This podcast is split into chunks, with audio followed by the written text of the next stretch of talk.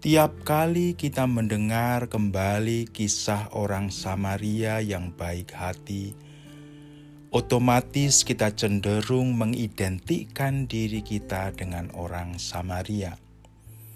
Meskipun sejujurnya kita lebih kerap bersikap seperti imam atau orang Lewi ketika menjumpai mereka yang sedang terkapar di pinggir jalan karena perampokan.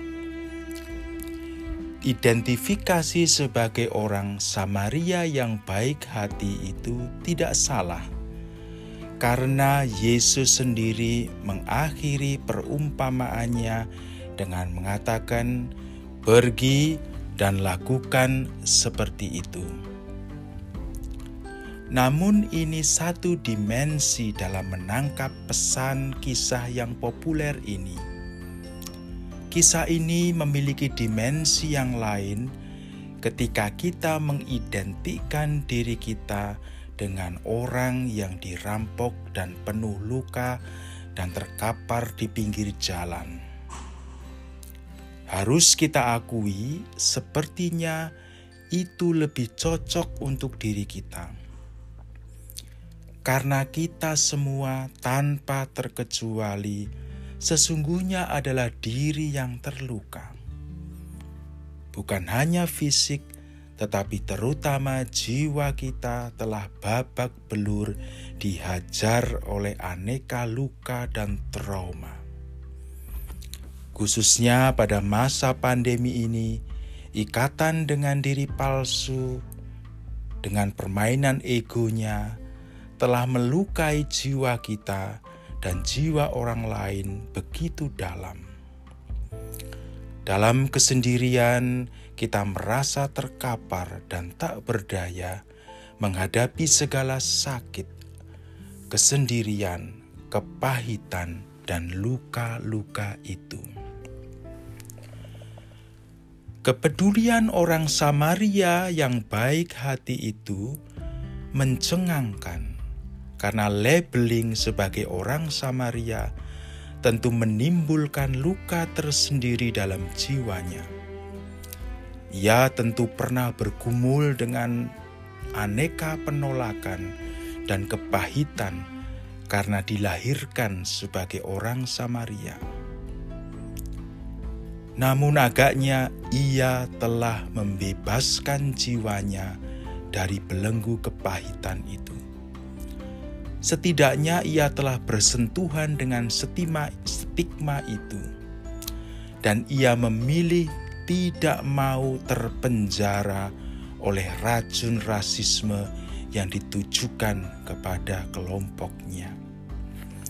Karena itu jiwanya menjadi damai dan merdeka untuk peduli kepada sesama siapa pun itu.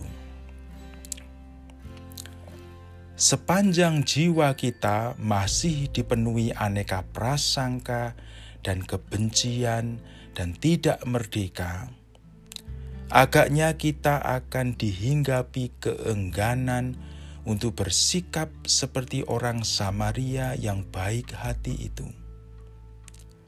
Dalam konteks ini, kita membutuhkan Tuhan sebagai orang Samaria yang menolong kita menyembuhkan kita, serta membebaskan kita dari belenggu yang memenjarakan jiwa kita.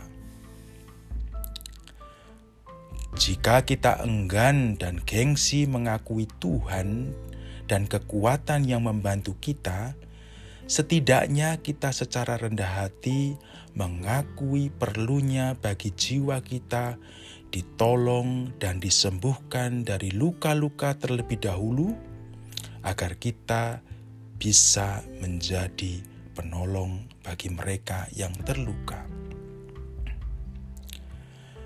Untuk bisa sampai ke situ, barangkali orang perlu menggeser paradigma dalam bertuhan.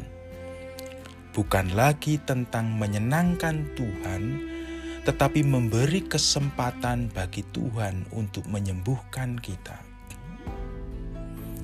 Semula tindakan keagamaan kita hanya terfokus pada kepentingan Tuhan, seolah-olah Tuhan adalah pribadi yang belum penuh dengan dirinya sendiri, sehingga sangat haus dan obsesif, serta membutuhkan sesuatu dari manusia. Kita perlu merubah paradigma agar fokus hidup iman dan keagamaan kita mampu membantu jiwa kita sembuh terlebih dahulu dari luka-luka dan trauma karena perampokan jiwa yang kita lakukan atau karena kelemahan sesama. Segala praktek hidup keagamaan yang kita jalani, mulai dari ibadah, doa-doa pribadi, pendalaman iman, pembacaan kitab suci, kegiatan dewo, devosi, kita lakukan bukan dalam rangka menyenangkan hati Tuhan, tetapi terlebih menjadi sarana dan jalan agar kita mampu mengenali diri kita sendiri dengan segala luka dan kepahitan, dan menemukan pembebasan dan penyembuhan dari Tuhan di sana. Penderitaan adalah buah dari ikatan dan kelekatan akan diri kita yang palsu dengan segala permainan egonya. Jika saja arah perjalanan hidup agama kita makin membawa kita pada kesembuhan, pemulihan, dan penemuan kembali pada diri yang sejati, yang secitra dengan gambaran Tuhan, tanpa disadari kita sudah beragama dengan benar, dan barangkali itu lebih menyenangkan hati Tuhan. Saya Romo Agung Wayudianto, salam mistik.